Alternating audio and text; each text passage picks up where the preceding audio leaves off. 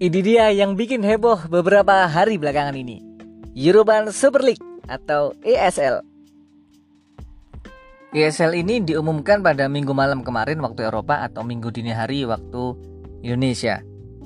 ESL didirikan oleh 12 klub Eropa yaitu AC Milan, Arsenal, Atletico Madrid, Chelsea, Barcelona, Inter Milan, Juventus, Liverpool, Manchester City, Manchester United, Real Madrid, dan Tottenham Hotspur.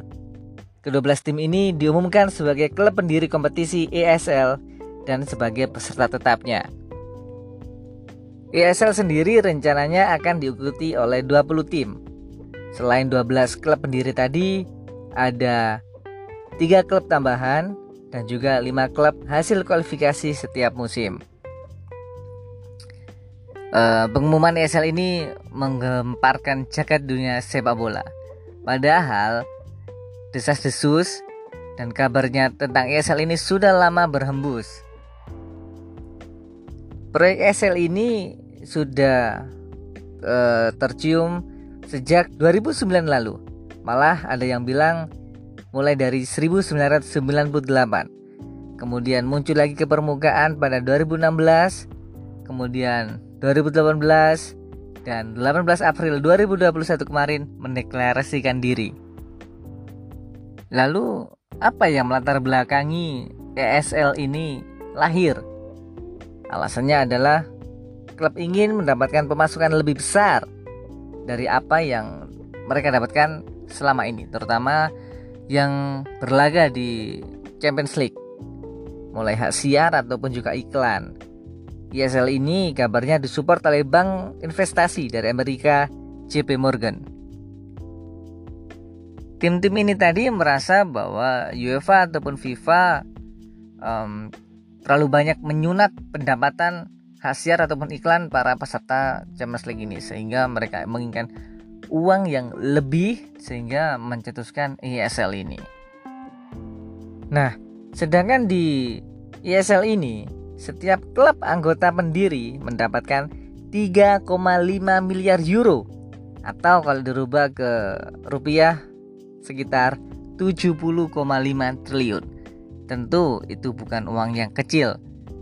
Tentu bagi para um, klub pendiri yang kebanyakan tim papan atas, tim-tim mapan, uang itu sangat-sangat berguna bagi mereka terutama untuk membeli pemain. Siapa pun pemain yang mereka inginkan tentu bisa mereka dapatkan. Setelah mendeklarasikan diri, ESL ini membentuk struktur pengurusnya. Florentino Perez didapuk sebagai presidennya.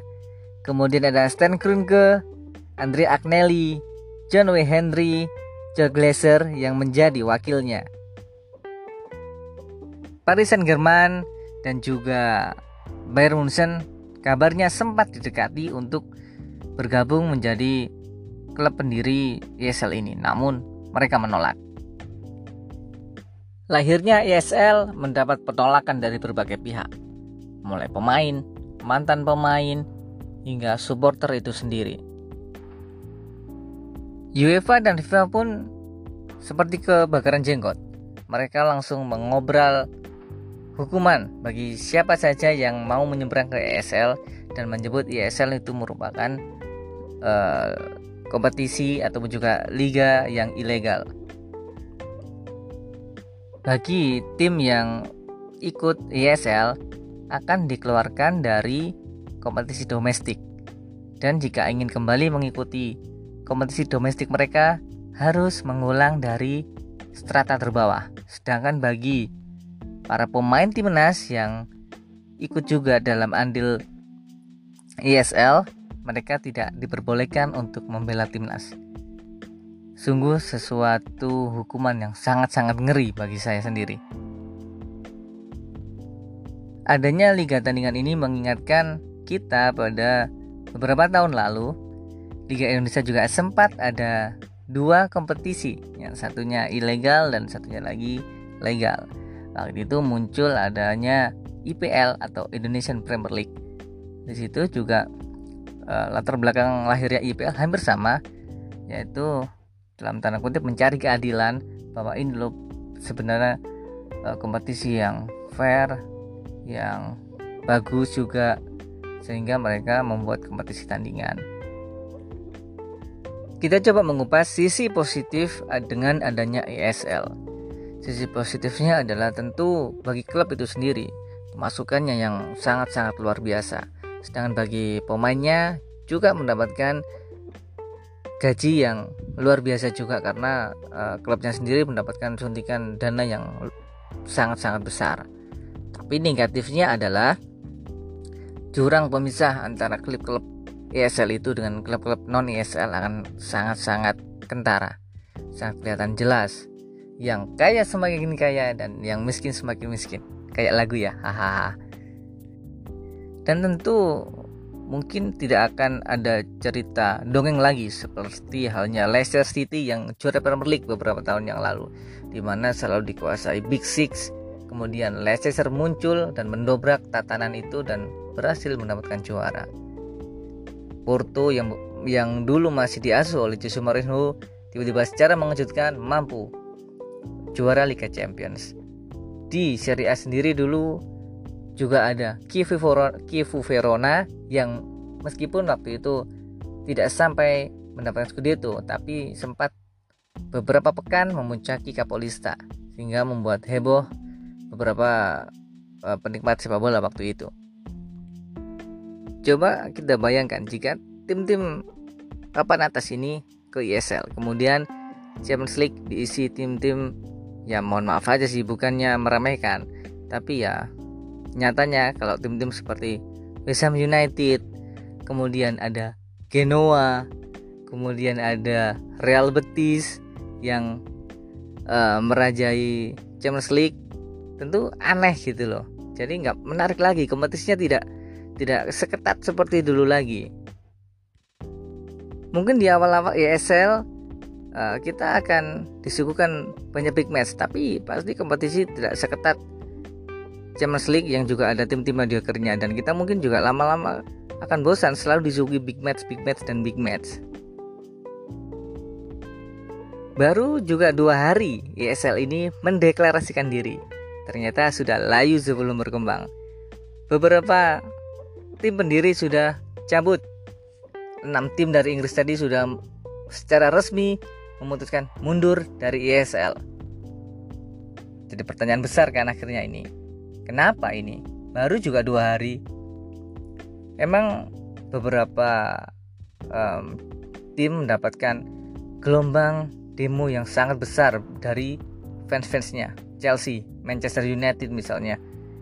Para fansnya sangat-sangat militan untuk um, menolak bahwa tim-tim mereka ikut untuk ESL. Sempat juga ada teori konspirasi ini dengan adanya ESL. Uh, karena ini isunya juga sudah lama. Ada yang bilang bahwa ini tuh cuma um, gertak sambal aja sih. Um, jika ada kompetisi tandingan, pasti nanti UEFA dan FIFA akan berbenah. Dan itu juga di di beberapa musim itu emang emang nyata bahwa ketika ada isu ini tiba-tiba uh, UEFA menaikkan hak siar uh, Champions League. Jadi pemasukan klub-klub yang berlaga di Champions League naik. UEFA sendiri sekarang lagi ketol untuk mempersiapkan format baru Champions League yang akan dimulai pada 2024 mendatang. Yang fix dan yang sudah pasti adalah penambahan kuota peserta yang sekarang 32 tim pada 2024 nanti akan bertambah menjadi 36 tim. Florentino Perez juga sempat menuding bahwa UEFA itu merupakan sarang korupsi. Nah, kalau ini memang benar, seharusnya antara pihak ESL ataupun juga UEFA sendiri duduk bareng gimana enaknya gitu loh jadi jangan sampai korupsi dilawan dengan korupsi juga maksudnya bukan berarti dengan adanya ESL nanti juga nggak akan ada korupsi.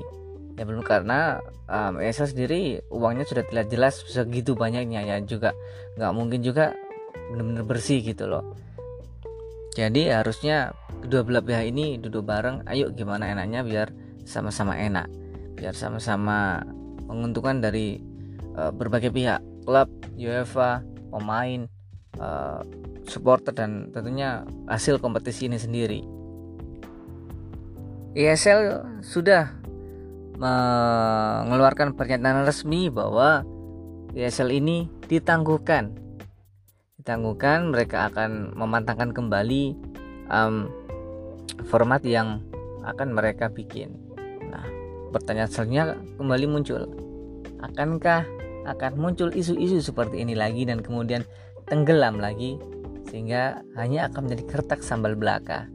Itu yang menarik kita tunggu. Kelanjutannya gimana? Tapi seharusnya sih kalau emang ada perubahan yang lebih baik tidak langsung secara frontal seperti ini. Itu pendapat dari kami. Terima kasih